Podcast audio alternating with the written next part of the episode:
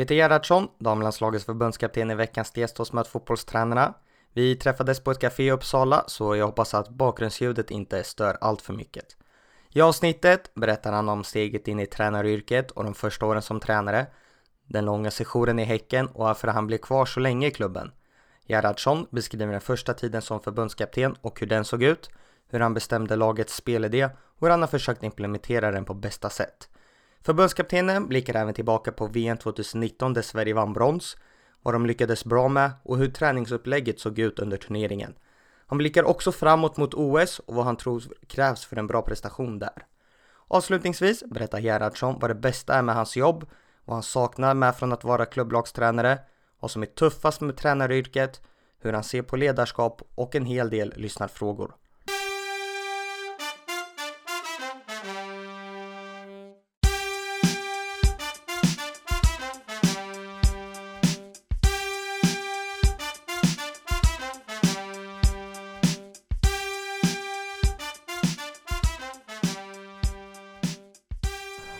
Ålder? 60. Familj? Ehm, två vuxna barn från ett tidigare äktenskap, Emma och Andreas och eh, en eh, ytterligare son ehm, och eh, fru som jag bor med nu. Bor? Eh, I Uppsala. Bästa spelen du har tränat? Ehm, jag vill nämna två, Caroline Seger och eh, Henrik Larsson. Vad tycker du det är de spelarna har för egenskaper som gör dem till de bästa? Ehm, Man kan väl prata om verkligen passionen för, för, för fotboll och eh, alltid varenda moment försöka göra sitt bästa. Ett fullständigt engagemang i, i allt vad de har, varenda moment de håller på med. Favoritlag? Åh, oh, många! Eh, I fotboll eller i Nej, fotboll. fotboll? I Arsenal är väl det som, eh, som jag liksom har hängt med längst och sen eh, är det ju fortfarande, jag har en Hammarby-gen och jag har en Häcken och lite Helsingborg, alltså klubbar som man har varit i. Och Uppsala IF naturligtvis min moderklubb. Eh, sen var jag Borussia Dortmund var, var ett tidigt lag som jag kollade när Klopp var där. Och, eh, ja. Du nämnde ju bland annat här Arsenal och Dortmund. Är det no har du haft möjligheten att åka och besöka någon stor europeisk klubb någon gång i ett studiebesök? Mm, Arsenal har jag besökt vid eh, vad blir det, två, två tillfällen åtminstone. Eh, en gång när jag var förbundskapten för pojklandslaget när Sebastian Larsson spelade. Så var jag där och besökte ehm, honom och jag tror det var Steve Bowles som var tränare för hans lag då. Ehm, och eh, sen var jag även där med när jag var assisterande till Stuart Baxter som, eh, som känner Wenger så att vi var, vi var där och besökte både Manchester United och eh, Arsenal vid två tillfällen tror jag. Hur är det att besöka sådana stora klubbar? Vad tar man med sig för intryck hem till sin egna miljö? Eh, ja, men det, är, det är väl dels konkret så tar du till det. Vi tittade på övningar. Det finns fortfarande en övning, Manchester United-övning som jag, som jag brukar använda. Eh, sen är det, vad ska man säga, ehm, att träffa de här eh, tränarna och, och prata med så blir det inte kanske så mycket att man sitter och diskuterar taktiska delar och så vidare utan eh, det är mer en inspirerande att vara på de här miljöerna tycker jag. Och, eh, du, man förstår någonstans att eh, Wenger, eh, för att han var en sån här tränare som var på plan hela tiden och ledde allting och ville vara med. Men, ehm, det såg lite annorlunda ut i, i Manchester United då i alla fall. Eh, Carlos eh, Queiroz var, var liksom mer tränare och Ferguson var ja, lite mer manager och så vidare. Så två lite olika sätt att jobba på men två naturligtvis väldigt framgångsrika tränare. Men jag gillar ju kanske mer Wengers eh, just det här att vara på plan och vara, vara väldigt nära spelarna. Så att det ligger mig närmare till Förebild? Ja, alltså jag har i fotboll så har jag det är mycket svårare. Jag har lite, lite andra så här. Jag, man kan säga Hans Rosling som är härifrån Uppsala som jag läst böcker med. Tycker jag är liksom en fantastisk människa som eh, stod för väldigt mycket mod när han åkte runt i världen. utsatte sig både själv och kanske familj för faror i form av eh, eh ebola här och eh, sådana grejer. Sen är jag, gillar jag humor och allting sånt där så att eh, jag älskar att koppla av med Magnus Bettner som är också stort mod som eh, egentligen visar att man kan skämta om allting och i, i dessa tider så, så så eh, tycker jag att det är ganska avslappnande att höra honom. Han går ibland precis på gränsen men eh, i, emellanåt så, så är det en ja, jättebra avkoppling och få skratta och, och vara glad och det hjälper han till med. Och sen har jag Ulf Lundell som musik och eh, även när det gäller att skriva böcker. Jag gillar de här vardagar 1 och 2. Hoppas trean kommer snart som jag tycker är också en sån här som vågar säga vad han tycker och uh, stå för, tycker jag ibland, eh, intressanta vinklingar av samhället och så vidare. Naturgräs eller konstgräs? Naturgräs. Kostym eller träningsoverall på match? Ingenting av det faktiskt. Jag har mer, jag skulle hellre vilja ha lite samma som jag har när jag går på konsert. Alltså lite eh, sneakers, ett par jeans, eh, svarta och någon kavaj. Men, eh, så det är mer, alltså inte kostym, det, det känns alldeles för upp. Utan lite avslappnat men ändå lite ja, skönt. Jag vill klä mig skönt på något sätt som jag mår bra av. Vad gör du på matchdag? Eh, det är egentligen den absolut bästa tiden tycker jag. När man har eh, tagit ut laget, man kanske på förmiddagen har gått igenom fasta situationer. Och, eh, väntan fram till matchen är, är, tycker jag, egentligen den enda gången som man verkligen kan koppla av. För då är det inte mycket du kan göra. Och då funderar jag inte speciellt mycket på på, då är det arbetet gjort. Så att då blir det faktiskt ibland väldigt mycket lyssna på musik eller läsa och bara koppla av och må bra. Så att jag, jag ligger inte och oroar mig eller funderar för mycket på matchen utan det, det känner jag att jag har gjort innan. Favoritsyssla utanför fotbollen? Eh, jag gillar ju jag är ju musikfantast så jag gillar att gå på konserter, jag gillar att lyssna på musik, läsa musiktidningar och eh, texter. Eh, grotta ner mig i, i, i vinylskivor, både gammalt och nytt. Eh, och så gillar jag att vara ute i springa eller gå. I, i, det går ungefär lika fort när jag springer och går så att det är liksom ingen, ingen skillnad i det. Men eh, gärna ute i naturen och göra det i, i, gärna i kombination med musik.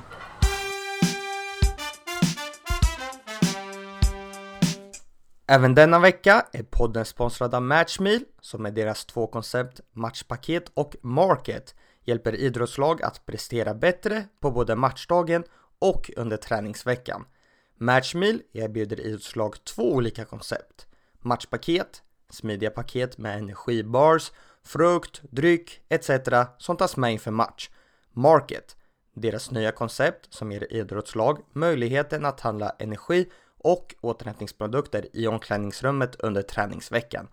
Spana gärna in deras hemsida matchmeal.se och läs mer. Rabattkoden är MFT med stora bokstäver 25 Alltså MFT25 som ger hela 25% rabatt på valfritt market eller matchpaket från Matchmeal. Stort tack till Matchmeal!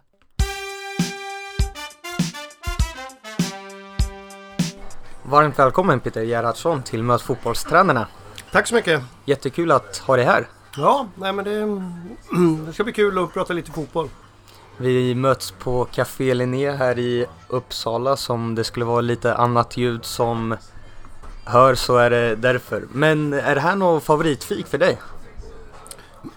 Ja, här var kanske en av mina mest kreativa perioder som fotbollstränare. När jag hade fotbollsgymnasiet i Uppsala ihop med Magnus Wickman så sågs vi, eller vi var ofta här. Eh, oftast mellan våra fotbollspass åkte vi hit och käkade lunch eller fika och pratade fotboll och att lägga upp tre års eh, eh, fotbollsplanering och vi ändrade och vi... Så att det var, det var många både bra idéer och konstiga idéer och eh, riktigt dåliga idéer som föddes här. Magnus Wickman är idag din assisterande förbundskapten. Hur är det att jobba med en person som man har jobbat med långt tidigare i sin karriär?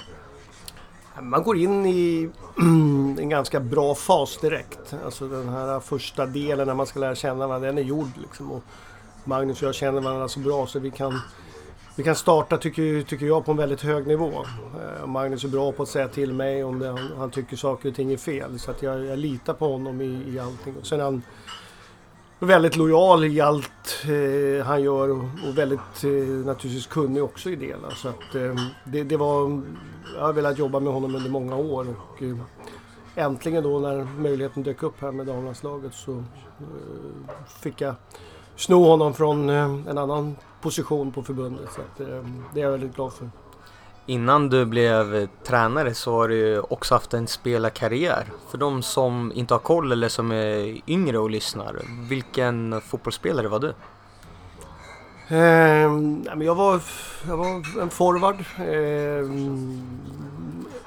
extremt eh, högerfotad. Och, eh, uppväxt i Uppsala IF, i moderklubben där med pappa som var ordförande i många, många år. Så att det var det var Uppsala IF som gällde ehm, och hamnade i ett väldigt bra pojklag som gjorde att vi bland annat vann Gothia Cup, kom tvåa i något SM och gjorde att eh, ögonen eh, från elitklubbar dök upp på mig. Så att, eh, jag var väldigt glad när jag, eftersom jag höll på Hammarby så eh, ville jag dit men jag hade lite erbjudanden från Djurgården och eh, Öster och Västerås Sportklubb. Men Eh, när Hammarby ringde så var det ganska klart att säga ja då. Så att, eh, sen gick jag till Hammarby, var där i tio år.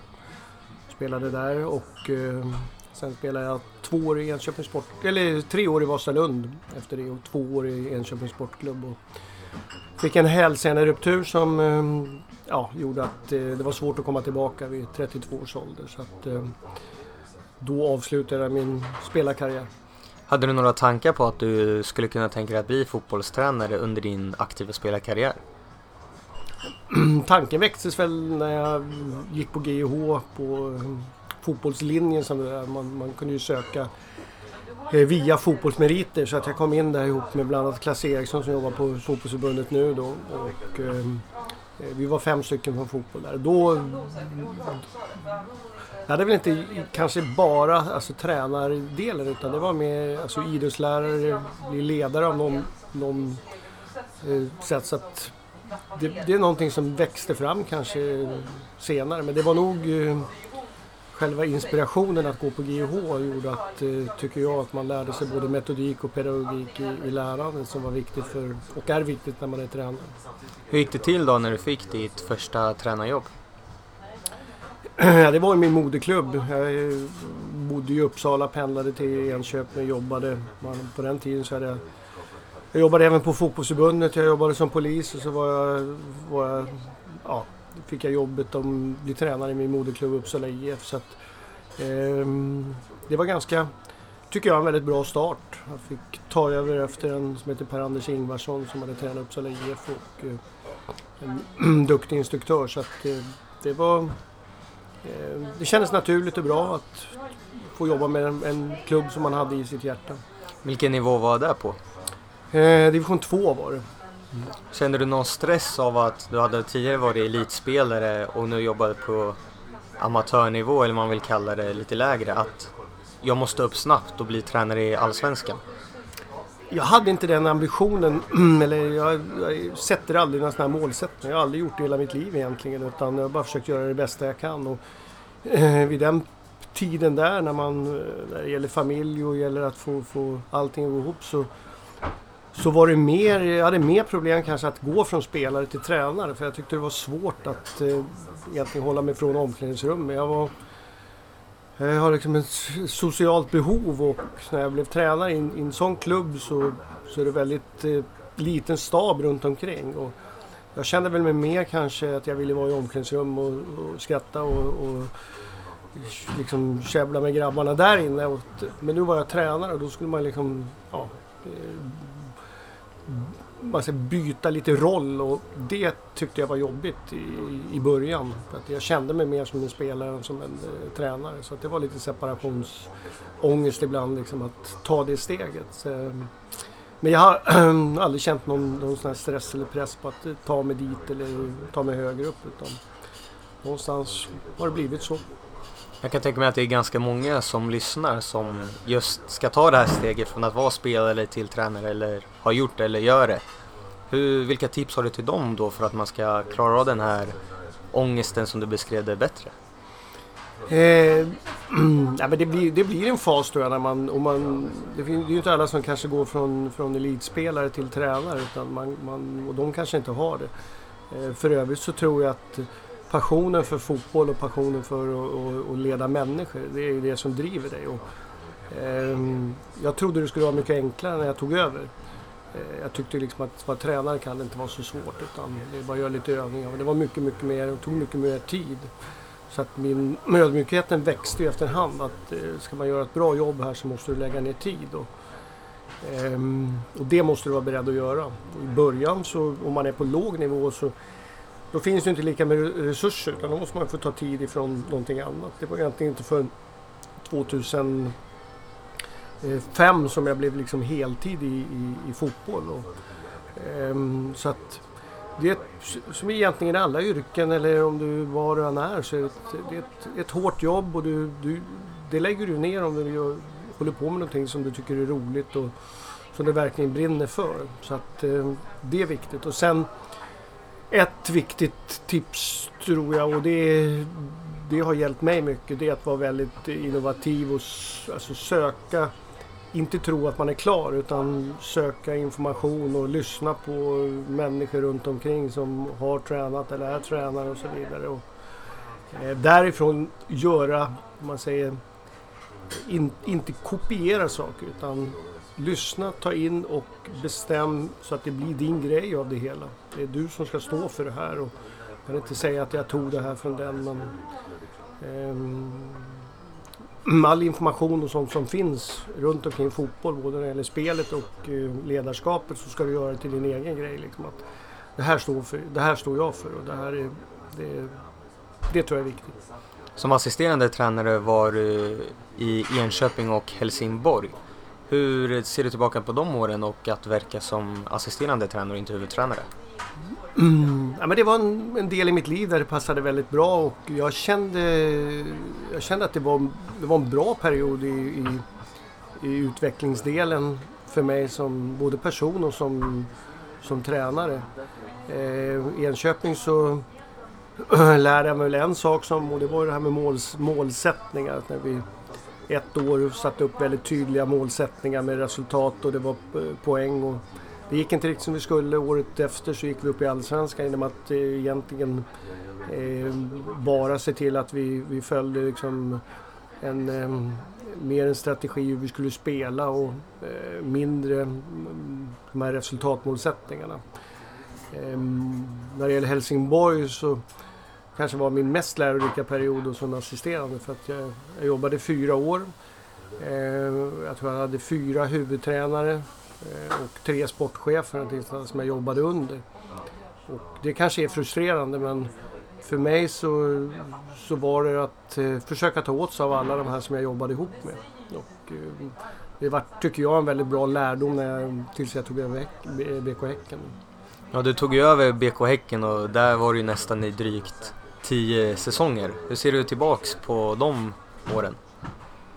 Eh,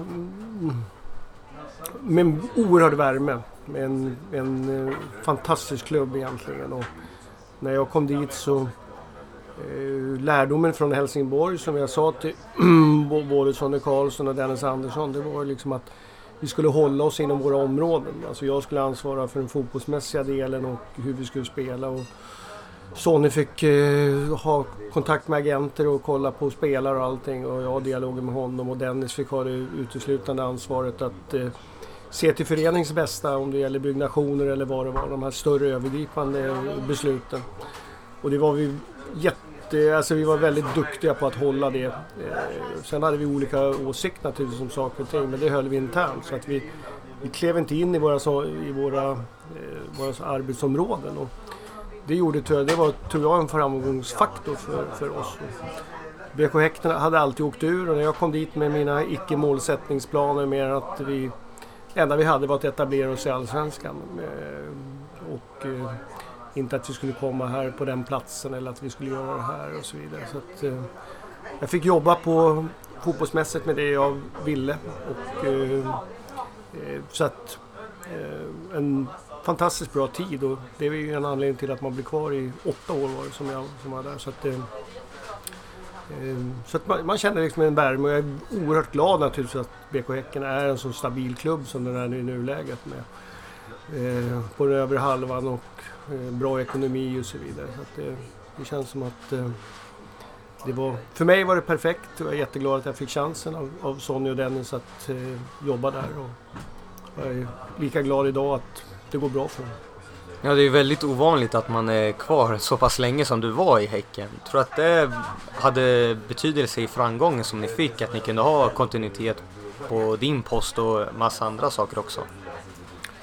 Ja, det var inte bara i min post utan vi hade kontinuitet på allting. Jag tror i, i de här tiderna som är så, så det som är förändligt framför allt kanske är på spelarsidan. Det, det är väldigt eh, stor eh, omsättning på spelare och då tror jag det är ännu viktigare att det blir kontinuitet på tränarsidan.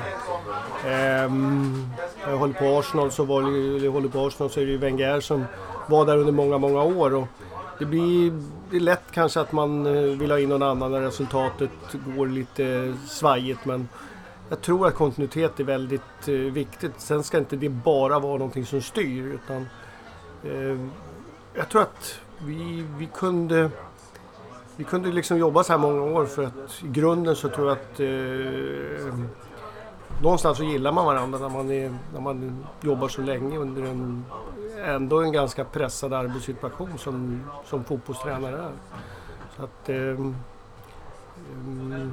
jag tror att eh, när det gäller eh, trycket som man ibland pratar om så tror jag att man har som tränare så har man en inneboende presstryck på sig hela tiden och, och, och göra det här. Och jag tycker ibland att det är väldigt överdrivet det här med att supportrar sätter press eller någonting sånt där. Utan det är inte det och är en bra klubb med bra liksom, ledning där så, så ser man till att titta på vad man har för verksamhet. Nu var jag yngre och väldigt ung när jag blickar tillbaks på dina första säsonger i Häcken. Men det jag kommer ihåg är ett lag som var väldigt offensiva och spelade anfallsfotboll och gjorde mycket mål. Skulle du hålla med om det? Eh, ja, alltså vi vad ska man säga, hela min... Alltså, det finns ju en linje med vad jag, vad jag tror på när det gäller fotboll och eh, den backar ju långt tillbaka naturligtvis. Både när jag var som spelare och sen när jag blev eh, tränare. Och det är att jag har alltid varit mer inspirerad av, av eh, vad säger, holländsk, nederländsk fotboll och spansk fotboll och tysk fotboll än jag varit av engelsk fotboll. Eh, och eh, det som var under en tid i svensk fotboll som lätt... Jag var ju med och få uppleva den. Det var ju det här när Roy, och Bob, Roy Hodgson och Bob Houghton kom till Sverige och, och eh, spelade 4-4-2 och man pratade positionsförsvar och man tränade bara försvarsspel. Och, eh, jag var under den tiden i Hammarby när vi hade lite andra idéer. Vi spelade markeringsspel och vi hade mer fokus på anfallsspel och så vidare. Och, där känner jag liksom att det har ju pendeln svängt tillbaka nu så att nu, nu är det mer högt försvarsspel och det är mer passningsinriktad fotboll. Och, Eh, någonstans har jag hela tiden trott på det. Och det finns någon period där i mitt liv när jag mm, även som Hammarby kollade på Djurgården och Soran Lukic och Sören Åkerby som var eh, någonstans kommer jag ihåg att de sa att de, om de tränade 80 eller 90 procent anfallsfotboll. Och, eh, så att, det var det jag tog, tog med mig till, till BK Häcken och eh, ihop med massa andra saker naturligtvis som, som har, man la på sig under tiden. Men att ha ett utgångsläge att börja prata med att vi har bollen och inte att motståndaren har det har för mig alltid varit man säger, en offensiv, en, eh, ett sätt. Liksom. Jag har alltid jag har inte gillat det här när man pratar för mycket om att, vad motståndaren ska göra och så vidare. Hur mycket kan jag styra själv och hur mycket kan jag göra? Jag vet att jag kommer att få försvara eh, och eh, exakt hur man ska göra då, det kan man träna på och så vidare. Men fokus på att bli bättre i det taktiska spelet offensivt, det har alltid legat mig varmt om hjärtat. Vilka saker, om du skulle kunna berätta något konkret, tycker du är viktigt i ett anfallsspel som både som du kan prata om i teorin och sen träna på praktiskt och överföra till match? Spela framåt så mycket du kan, spela på rätt fot, rätt hårdhet i pass, eh, vrid på huvudet, ha lösningen klar hur det ser ut framåt i banan. Du kommer, du kommer inte alltid kunna göra det, men ha den attityden och träna väldigt mycket på det. Det tror jag. Och i det också fatta, fatta snabba beslut. Eh, jag kommer ihåg eh, just när jag hade börjat där i BK Häcken så, så eh, var det att alltså vi, vi jobbade väldigt mycket med kvadrater, 5 och 2. Eh, och de hade väldigt stora kvadrater och de hade två tillslag. Och, eh, jag, min assisterande då, Christian Lundström, vi, vi, vi ändrade det där så att vi gjorde mindre kvadrater. Vi gick ner till ett tillslag. Eh, och det gjorde att eh, när vi hade haft det ett tag så minskade vi kvadraten utan att spelarna visste det. Eh, och det, såg ju, det vart ju färre passningar då eh, i början men sen förbättrar man det hela, hela tiden. Och, eh, I den vevan så kommer jag ihåg att Deco, eh, han hade, de spelade i Portugal där och eh, Porto spelade han väl och gick till Barcelona. Så fick han frågan om vad stora skillnaden var att eh, gå till Barcelona. Då han, hade han sagt att de hade så små kvadrater. Ehm, och på något sätt så, Eh, inte bara det offensiva utan också det försvarsmässiga. Att när man är inne och jagar att man snabbt vill vinna tillbaka bollen. Och det stora taktiska kanske inte träna men fotboll handlar kanske ibland ännu mer om att fatta väldigt snabba beslut och eh, jag vill ha en väldigt eh, vinna boll-attityd i försvarsspelet och jag vill att eh, man fattar snabba beslut i det offensiva spelet. Så att, eh, ehm, det är liksom en, man säger, en liten del men eh, kanske säger lite om hur, vad man har för attityder både som tränare och hur man vill att laget ska agera. När du lämnade Häcken för damlandslaget, var det, hade du många alternativ att välja mellan? Jag vet inte vad många är, men jag hade, jag hade alternativ och uh, det som var där det var, det var väl också typiskt mig och uh, BK Häcken i det läget att vi när vi hade varit där i åtta år så, så Eh, kände jag liksom och klubben också att vi, vi kanske skulle göra någonting annat. Och jag kommer ihåg att jag var så när jag bestämde att nu går vi ut i tidningarna och meddelar. det Jag var ju på sommaren 2016 så var vi båda, eller jag, jag kände mig väldigt euforisk i liksom att nu har jag fattat ett beslut och bara kasta sig ut i det. Var, det var oerhört spännande och eh, egentligen bara kunna fullfölja den säsongen och, och eh, hitta på någonting annat. Och under tiden där så dök det upp en, en del erbjudande både framförallt kanske från Norge, Danmark och eh, även i Sverige då. Eh, men det gick väldigt snabbt så att när jag fick, när jag fick det här erbjudandet eh, så kände jag direkt liksom att det här var once in a lifetime liksom. Och jag har ju en bakgrund som jag har varit med i. Jag har tränat damer i, i, i Berling under ett par år och jag var med i OS 96 Atlanta. Så det var ju inte så här främmande för mig att, att, eh, att, eh, det skulle vara så, att det skulle vara någon skillnad överhuvudtaget. Skillnaden var landslag och eh, klubblag. Och det hade jag erfarenhet från pojklandslaget när jag tränade om. Så att när jag fick det och jag tyckte efter OS där eh, med Pia så, så var det en, tycker jag, en av de absolut mest attraktiva jobben man kunde få. Eh, Eh, så det tog inte lång tid för mig att tacka ja till det. Hur ser första tiden ut när du blev eh, förbundskapten? Går det till att man åker runt och ska få så bra koll som möjligt på alla spelare? Ja, jag började åka upp, upp, upp kommer jag ihåg, i januari då. Jag började ju inte, jag var lite pappaledig där och var hemma men jag jobbade lite grann då så att jag hade möjlighet eh, under Pias eh, sista eh, halvår där eh, i samband med EM 2017 så eh, kunde jag åka ut och jag åkte upp till Ljusdal kommer jag ihåg och tittade på ett flicklandslagsläger som Kalle Barling och Anneli hade där uppe, Andersén. Och ehm, eh, det var liksom det första jag gjorde. Sen var det mycket åka och titta. Jag var på Algarve och scouta och se. Eh, egentligen lära mig nivån på, på, på fotbollen och framförallt landslagsfotbollen då. Och sen var det ju att se så många allsvenska dammatcher som möjligt under, under den våren för att eh, efter EM där så skulle jag ta vid då i augusti. När bestämde du hur spelidén och arbetssättet skulle se ut? Mm, det växte nog fram där under våren och naturligtvis i samarbete med, med, med Magnus. Men jag måste säga att i, både nu och i början så är det, det är väldigt mycket från, från BK Häcken-tiden.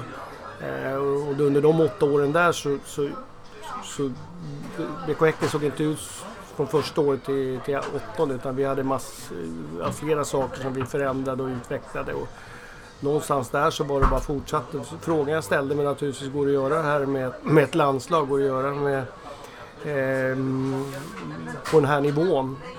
Eh, och eh, under den här perioden nu så har vi fortsatt tycker jag att eh, göra små, små korrigeringar i vårt sätt att spela och en del taktiska saker. Kan du berätta någon del i ert arbetssätt och någon del i spelet som du kan dela med dig av? Ja, det, det, som, det som var frågan, det var om, om egentligen, det, det är så... Att träna ett allsvenskt lag så är inte skillnaden kanske mellan det bästa och sämsta laget i Allsvenskan så stor. Men i ett landslag så är det enorm skillnad på ett eh, VM eller EM-kval mot de sämre nationerna och, och sen mot de, de bättre nationerna. Och det, det, frågan vi ställde oss det var om vi, om vi klarade av att spela ett högt eh, eh, försvarsspel mot de här bästa nationerna. Ehm, och också när det gäller organisationen att eh, om vi skulle ha behålla som vi kallar 4-3 eller 3-4-3 för vi har väldigt många bra innebackar. Och det växte väl fram under, under eh, 2017 när vi mötte Frankrike borta när vi ändrade vår lite organisation men vi behöll vårt höga försvarsspel och vi behöll våra idéer när det gäller passningar. Ehm, men, men just vi har ju fortsatt och eh, jobbat väldigt mycket med, med det taktiska passningsspelet. Och att bli eh, modiga. Alltså jag vill ha spelare som vågar fatta beslut på plan. Eh, och då måste du på något sätt ge, ge det förtroendet. Försvarsspelet är, eh, man säger ibland tycker jag, enklare att träna. Eh, om man inte vill komplicera det hela. För det finns en del som gör. Men det är att eh, ibland handlar det om att snabbt vinna tillbaka bollen. Att ha den attityden och att ge det förtroende. Att man ibland mot bättre motstånd inte klarar av att bryta efter två eller fyra eller sju passningar. Man kanske måste försvara. Men att man inte släpper på, på själva idén att, att eh, vilja vinna boll.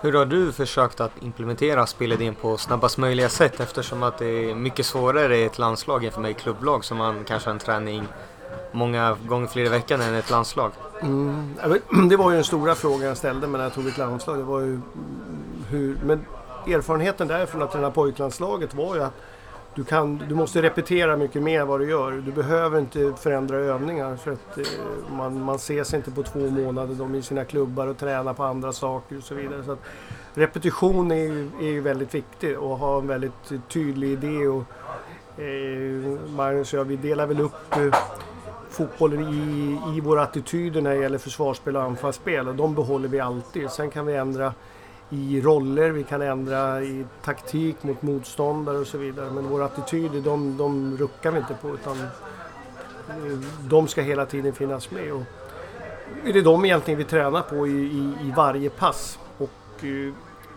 det vi, det vi fick göra var att dra ner på den fysiska nivån. För att eh, spelare kommer ibland, vi tränar måndag, tisdag, onsdag spelar torsdag. De har spelat match på söndag. Så I normalfall så vilar man på tisdagen. Och, eh, vi valde istället att ha lite kortare pass men att jobba med taktiska bitar och dra ner på belastningen. Och, ihop med vår fystränare Pontus Ekblom så ser vi till hela tiden att vi, att vi har koll på den belastningen så att man kan gå ut och spela 90 minuter på torsdag. Så att mer taktisk lågintensiv träning. Eh, och eh, egentligen eh, har man inte tid i ett landslag att ha, ha några bara tekniska övningar utan du måste alltid koppla tekniken till det taktiska. Vi, vi, vi säger aldrig egentligen uppvärmning utan vi säger det är en teknisk taktisk träning. Och det är för att skicka en attityd till spelarna. Liksom att nu, nu, nu har vi börjat förbereda den här matchen på torsdag. Uppvärmning ingår liksom, men det är inte, det är inte huvudsyftet. Utan vi måste som tränare se till att man blir varm samtidigt som man lär sig någonting på sättet vi spelar fotboll på. Hur kan en sån här träning se ut? Eh, ja, men vi, vi, vi jobbar mycket med, som jag sa, då, attityder i, i vårt anfallsspel. Eh, och det kan vara, från början så kan det vara kanske inte i positioner utan det är mer att jobba med det här som jag sa, då, med vinklar, se till att spela på rätt fot, eh, spela framåt och så vidare i olika former. Och sen väljer vi oftast att gå över i en taktisk del redan första dagen där vi jobbar ibland 10 mot 0, ibland 10 mot 1 och så vidare med, med eh, inlagda eh, omställningsdelar. Men eh, framförallt rollerna så att eh, tjejerna vet liksom redan första dagen så har de en idé om att jag kommer spela vänsterback, jag kommer vara högerback. Och, eh, ifrån det olika moment liksom i, i vårt passningsspel, hur vi vill att bollen ska gå. Och, eh, redan där kopplat in den motståndare som vi ska möta på torsdag. Eh, har vi bara en landskamp så, så är det fortfarande väldigt eh, inriktat på, på det motståndet vi ska ha, den, den samlingen. Vi har fått mycket beröm för att spelarna tycker att det är väldigt tydligt och de har tydliga roller och sådär. Hur mycket anvisningar och instruktioner har du gett till spelarna? Ja, det är lite svårt. Det är en, alltså, spelare är lite olika och eh, jag pratar ibland om begrepp med liksom struktur och kreativitet. Och, eh, eh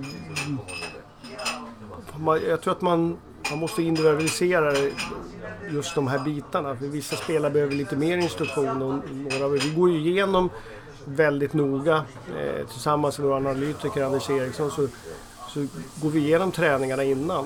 Så här med både bilder från eh, moment som vi har gjort. Eh, vi eh, ritar upp övningarna, hur det ska gå till och vi förklarar varför vi ska göra på det här sättet. Så när spelarna kommer ut på plan så har de en klar bild av varför vi ska göra det här. Och jag, jag var själv som spelare så jag vill inte göra saker som jag inte vet varför jag ska göra. Det, och det tycker jag är en sån här grund, grundkrav på mig som tränare att tala om för spelarna varför vi gör, varför tränar vi på det här sättet? Varför gör vi på det, på det här? Och därifrån så byter vi ner det till individuell instruktion naturligtvis både eh, under, det, under de träningarna. Så att, eh, I regel håller Magnus eller jag i, i någonting och den andra jobbar mer individuellt med spelare under, under de övningarna. Och sen naturligtvis en feedback efteråt när vi filmar träningarna och kan titta på träningarna och kan gå tillbaka till spelare som vi tycker ska kunna förbättra saker och ting till, till matchen. Har ni mycket teori för att underlätta den här transfern eh, för att spelarna ska förstå ert arbetssätt? Jag vet inte hur... Eh, på något sätt är det en balans i det hela. Jag, man ska inte ha, man ska inte ha eh, man säger, teori bara för att man på något sätt ska fylla ut en tid. Det måste vara mening med det. Och jag tror att vi lär oss på olika sätt och eh, vi måste, tror jag, mer instruera och jobba med spelarna på plan. För det är inte alltid lätt liksom, i en teorisal att ge det. Eh, feedbacken blir ju ibland efter matchen när vi tittar på och följer upp eh, eh, ja, saker vi gjorde bra, saker som vi gjorde mindre bra. Eh, och det är också naturligtvis individuellt baserat. Liksom, att, eh, vissa spelare vill kanske ha mer feedback, vissa spelare är lite mer självgående på något sätt. Men ett givande och tagande mellan tränare och spelare. Att, eh, som jag sa då så vill jag spela som tar ett eget ansvar och då, då kan man inte övercoacha dem eller prata för mycket. Så att eh, det är hela tiden en, en, en balans i hur mycket man ska göra och så vidare. Allt, allt är egentligen kopplat till det resultat du har på plan. Och, och då menar jag inte, inte det siffermässiga resultatet utan själva resultatet i, i vad du får ut av din träning kopplat till hur, din spelidé. Idag styrs ju fotbollen mer och mer utav statistik som ett analysverktyg. Hur mycket i dina laguttagningar kollar du på eh, statistik kontra att två spelare passar bra tillsammans och har bra kemi? Ehm, vi jobbar inte så. Vi, vi, vi får med Anders Erikssons hjälp då, så får vi väldigt bra statistik efter matcherna. Där vi ser exakt eh, procentsatser i passningar och var passningarna har gått och, och så vidare. Ehm, så att det är en del. Men eh, som du sa, alltså relationer är väldigt viktigt. Ehm, och ehm, någonstans så, så eh, har spelare Eh, när vi tittar på, på, på passningar, eh, relationer med, med vissa spelare. Då är det viktigt att de får träna ihop ifrån det här första passet. Så att det, det är en viktig del. Eh, mindre kanske att eh, eh om det nu är någon som har en dålig procentsats eller eh, passningar så får man ju ställa sig frågan vad det, vad det beror på. Så vi ser själva uttagningen kanske i lite större perspektiv när det gäller vad spelare kan och inte kan. Men det, det är, det är intressant för att eh, det kan ibland visa sig att eh, ja,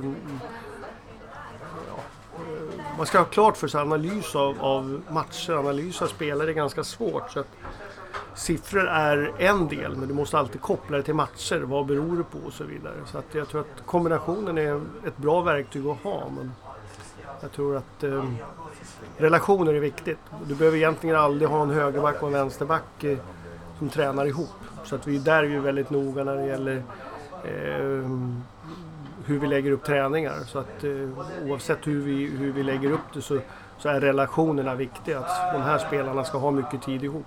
Och ännu viktigare naturligtvis i landslag när vi inte har, har totalt sett så mycket tid. Förra sommaren så kom ni ju trea och vann VM-brons i VM i Frankrike. Hur ser du tillbaka på mästerskapet? Ja, med glädje naturligtvis. Vi, vi håller precis, vi sitter nu, jag och Magnus Wickman och eh, kollar på de här matcherna ur ett, eh, man säger ett publikperspektiv. Vilket är, under VM så såg vi, vi, vi, vi såg matcherna live. Vi såg matcherna på kvällen direkt efteråt men då var det ju ur, ur Anders Erikssons eh, analysdel och då är det liksom utan det är storbildsformat. Man ser hela planen, man ser alla spelarna ut, ut takt, vilket är bra ur taktiskt. Men nu har vi, nu har vi kollat på matcherna ur, ur ja, som, som TV-publiken såg hemma. och Det är enormt häftigt och glädjande att se närbilder och glädje på spelare och så vidare. Och vi visar, visar ytterligare att man aldrig blir färdig och klar. För vi upptäcker nu saker som, eh, som är viktiga att eh, kunna ta med oss här framöver. Och, så att eh, det blir en eh, ja, lite så nostalgi men en må bra-känsla när vi sitter där. Och, eh, nu, vi fortfarande precis under matcherna så kan vi vara lika, eh, ja, ibland eh, frustrerade precis som spelarna. Att det inte riktigt varför gör vi inte det här 3-0 målet mot Thailand när vi har så mycket lägen? Men nu vet vi resultat när vi sitter där. Men känslan av att där borde vi ha gjort det här och den, den kanske är ungefär samma. Sen, ibland kan det vara skönt att visa, veta att resultatet ändå, typ Chile så vet vi när vi tittar på den, även om vi är frustrerade även nu, att eh, vi kommer att vinna med 2-0. det, eh, så att, eh, det, det, är en, det är en skön känsla när man tittar på den. Var det något speciellt i det taktiska som ni i ledarteamet var extra nöjda med under mästerskapet? Det var väl helheten hur vi, hur vi klarade av... Alltså vi, man ska ha klart för sig att det här det är stort, det är 23 spelare och det är uppåt, jag vet inte hur många, uppåt 30 ledare som är med. Eh, men hur vi kunde, eh, man säger, klara av att hålla ihop, då menar jag absolut hela gruppen det tycker jag var väldigt bra. Och framförallt att vi kunde ha spelartruppen frisk. Ett stort cred till medicinska teamet som jobbade stenhårt med det här. Och samarbetet i ledarna mellan oss och fystränare och eh, alltså även eh, fotbollspsykologisk rådgivare, analytiker, medicinskt team. Alla de här samarbetet att vi eh, hade personligen hade jag hade väldigt lite frustration under ett ändå så pass kanske en krävande arbetsgivare som ett VM. Och det handlar om relationer, att vi var väldigt tydliga i, i information och så vidare. Och jag tror det var en stor anledning till att vi lyckades var den, men också naturligtvis att vi, vi hade fräscha, friska spelare. Vi hade väl en Madeleine Janåg, en, en belastningsskada. En, en avstängning hade vi. Ehm, så att vi hade väldigt lite eh, av den och det, det är ingenting som bara händer utan det är ett hårt jobb. Och inte minst från spelarna som eh, informerade oss om de hade någon liten krämpa känning som gjorde att vi kunde belasta på ett riktigt sätt. Det, det var viktigt. Under mästerskapet på träningarna, hur planerade ni innehållet och så vidare för att maximera era chanser att vinna matcherna? Nej, men man får hela tiden eh, spela en match i taget. Det, det enda var ju att vi efter eh, Thailandsmatchen visste att vi hade gått vidare. Och vi visste att eh, oavsett vilka vi möter så vi hade inför USA-matchen som eh, eh, spelare som, som var väldigt eh, tveksamma på att kunna spela 90 minuter mot USA och eh, 120 minuter i en åttondelsfinal. Och eh, det bollade vi med medicinska teamet och när vi satte oss ner då så, så var det ganska, eh, ja, det var en, egentligen den enklaste laguttagningen för att det var så mycket medicinska delar i det hela. Sen hade man kunnat chansat med det men eh, för, för övrigt så mm, tycker jag liksom att eh, det som är intressant och som, som är en klart annorlunda sak det var ju liksom inför bronsmatchen så hade vi vi hade alltså, vi visste inte hur vi skulle spela. Om vi skulle spela 4-3 eller 3-4-3 och det berodde lite på Kosovare Asllani som hade fått en smäll om hon skulle kunna spela inte. Vi visste inte det så att dagen innan matchen så tränade vi på 3-4-3 hela träningen. Eh, på kvällen fick vi lite positiva indikationer på att hon kanske kunde spela och eh, på morgonen fick vi klart att hon kunde spela. Så att då ändrade vi och så spelade vi 4-3 och det är inte ofta som man tränar på ett sätt eh, och så spelar man på ett annat. Sen hade vi en trygghet i det hela naturligtvis genom de här åren som vi hållit på. Eh, men det som var intressant med det var att vi, vi avslutade matchen mot England med 3-4-3 precis på det sättet som vi hade tränat eh, dagen innan. Så vi tränade ett helt pass på hur vi skulle avsluta en match sista 20 minuterna. Och det tror jag aldrig varit med om. Men det, det vart det var på något sätt en, vi pratade om det efteråt, att ja, det, det är kanske någonting man ska ta med sig. Att eh, inte bara jag vet att eh, journalister är ju, och gemene man är väldigt intresserade av startelvor men jag har hela tiden pratat om slutelvor och nu på något sätt så fick jag kvitto på att man till och med kan träna på en slutelva för att eh, det är så det kanske ser ut och kan ha betydelse naturligtvis. I sommar så skulle det ha spelats ett OS som flyttas fram till nästa sommar. Och i dagarna har det stått lite om att ditt kontrakt går ut och så vidare. Hur ser du på den situationen? Eh, nej men det är just nu är det ju så stora frågor i världen så att jag, jag, jag, tänker inte speciellt mycket på det. Utan vi vet att OS går nästa sommar här nu och jag, jag har mm, en väldigt bra relation med, med alltså både Marika som har en erfarenhet som är, har varit fantastisk att ha en sån chef som eh, både förbundskapten, spelare och eh, nu i den rollen så att hon har varit med så mycket och Håkan Sjöstrand också så att eh, Eh, när de diskussionerna tas och ja, när det blir så att jag har inget eh, nuläget någonting som, som jag tycker är viktigt att sätta sig ner och prata om det utan nu ska vi försöka ta oss ur det här, eh, hela världen och sen får vi se vad fotbollen tar vägen. Nu är det såklart ett mindre problem när turneringen flyttas men hur surt och tråkigt är det att den inte kan genomföras när man har gått och väntat på det?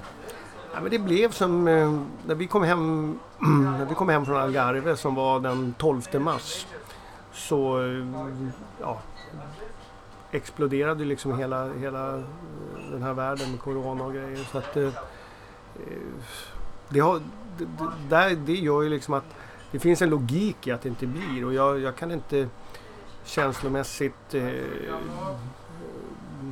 på något sätt känna att det var synd eller det här. Utan det, ibland är det så. Jag, jag, tror att både som människa och, och i det fallet alltså som, som tränare som, så, så, måste man nog leva, man måste leva väldigt mycket i nuet och det gör jag i vanliga fall och kanske ännu mer att bekräftat att, att man får göra det på nu. Så att jag, var, jag, var, jag var ganska eh, man kan väl säga att det var tråkigt men känslomässigt så ja, nu, det, ingenting jag kan påverka. Saker jag inte kan påverka fick jag lägga väldigt lite tid i mitt huvud.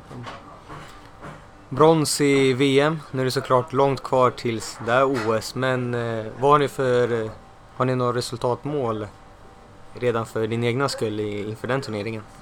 Nej, det... det alltså, alla, vi sa det inför Eh, inför VM här så, som jag nämnde Hans Rosling, det var väl liksom en hans han pratade om possibility istället för målsättningar och sådana grejer. Och det, för mig, har man möjlighet att vinna så klart man ska gå för det. Och jag, jag tycker liksom att eh, vi, vi hade kunnat gå till final. Vi hade kanske kunnat vunnit hela VM. Det känns inte så här efteråt helt omöjligt. Eh, och eh, samma sak är väl inför OS. Nu har vi liksom ett EM-kval dit och vi ska ta oss igenom eh, ett, ett år eh, till det här. Men just den här möjligheten att kunna vinna, den, den räcker för mig tycker jag att känna att... Eh, och det baseras naturligtvis på resultat. Så att den ruggas ju om du, om du presterar sämre så minskar den möjligheten. Eh, presterar du bättre så ökar möjligheten. Vad tycker du det bästa är att vara förbundskapten? det är ju... Jag brukar säga att, det, att alla de här mästerskapen eller landskamperna man åker på är ju i sig oerhört roligt, eh, lärorikt och inspirerande. Att få jobba med Sveriges absolut bästa spelare. Att ha ett sånt ledarteam som vi har. Som vi har. Ehm, så vi har, vi har väldigt roligt när vi är ute. Och jag menar, du måste må bra och det gör man verkligen när man är ute med, med, med det här gänget. Och, ehm, I det så är alla kunniga i sina olika områden. Oavsett om du är högerback eller om du är analytiker eller vad den är i, i de här rollerna.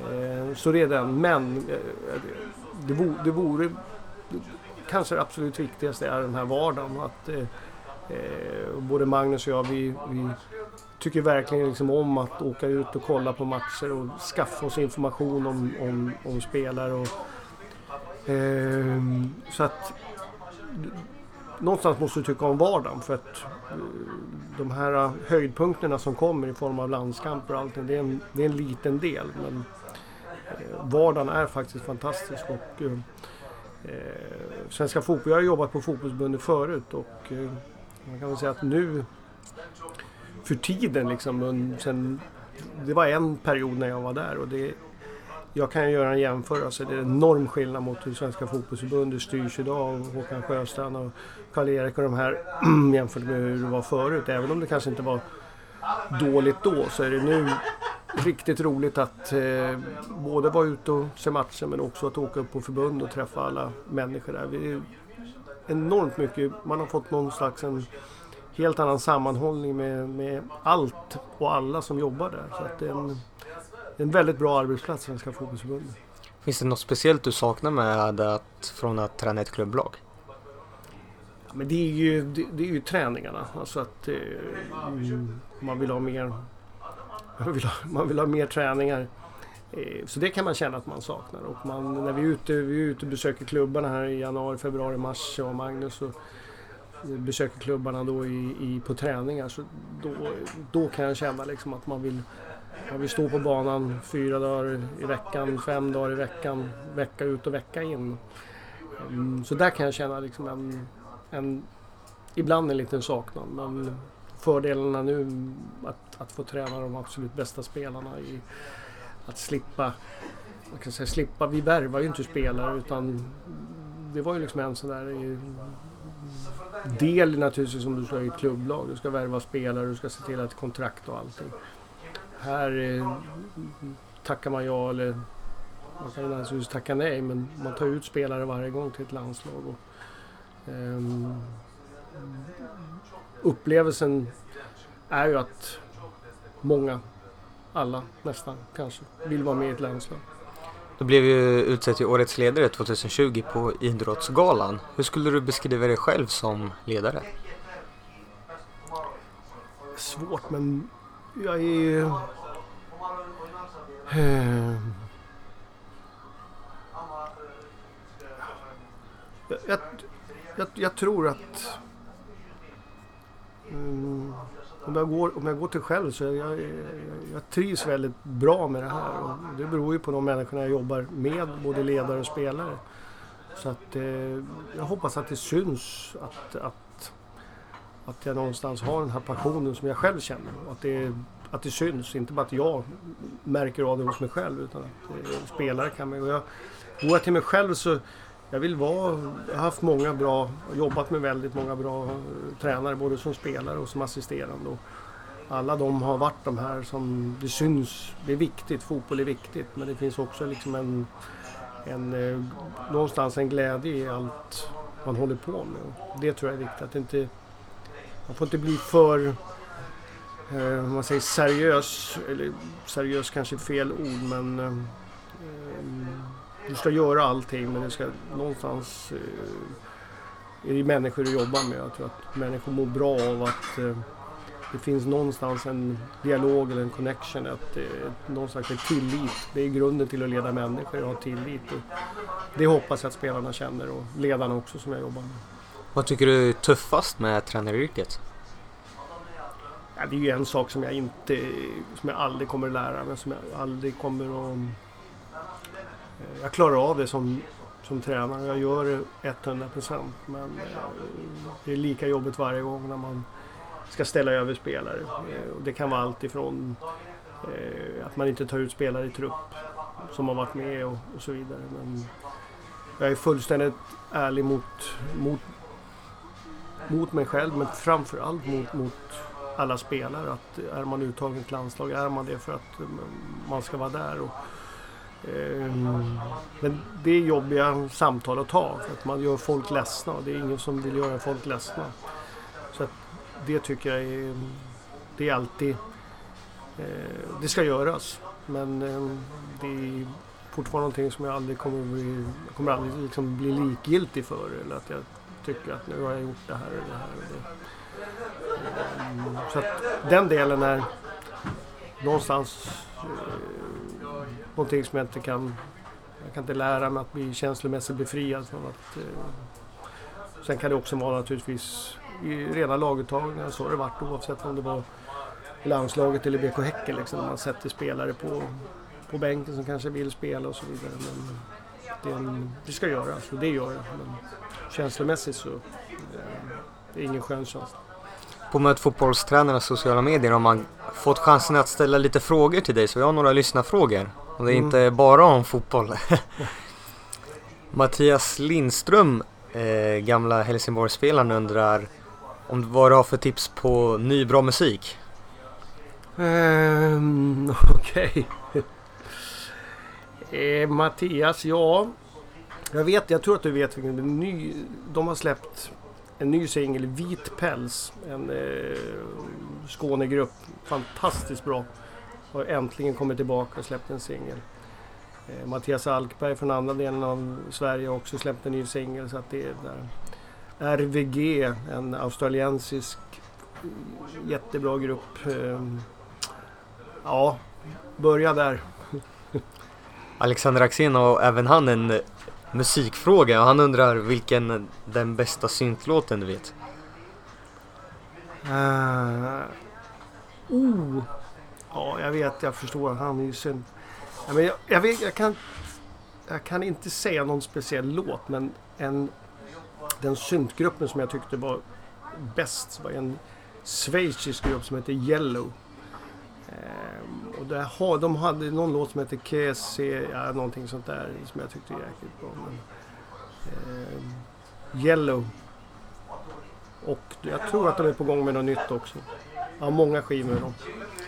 Kristoffer Berg undrar hur du tänkte inför din första säsong med Häcken där du var den första tränaren till nykomling som inte spelade ett försöka hänga kvar fotboll utan verkligen spela sitt spel. Eh, nej men jag, det där var, jag, fick, jag fick den frågan, jag tror det var några, eh, några omgångar in där i, i Allsvenskan 2009. Ehm, eh, och då fick jag frågan, var, varför är du inte beredd liksom att spela mer cynisk, mer defensiv fotboll för, för att hålla dig kvar i Allsvenskan? Som Ljungskile sa. Eh, och jag sa, mm, jag förstår inte frågan, så jag. Ja men, ja, men som Ljungskile, de, ja, men, de höll sig inte ens kvar i Allsvenskan.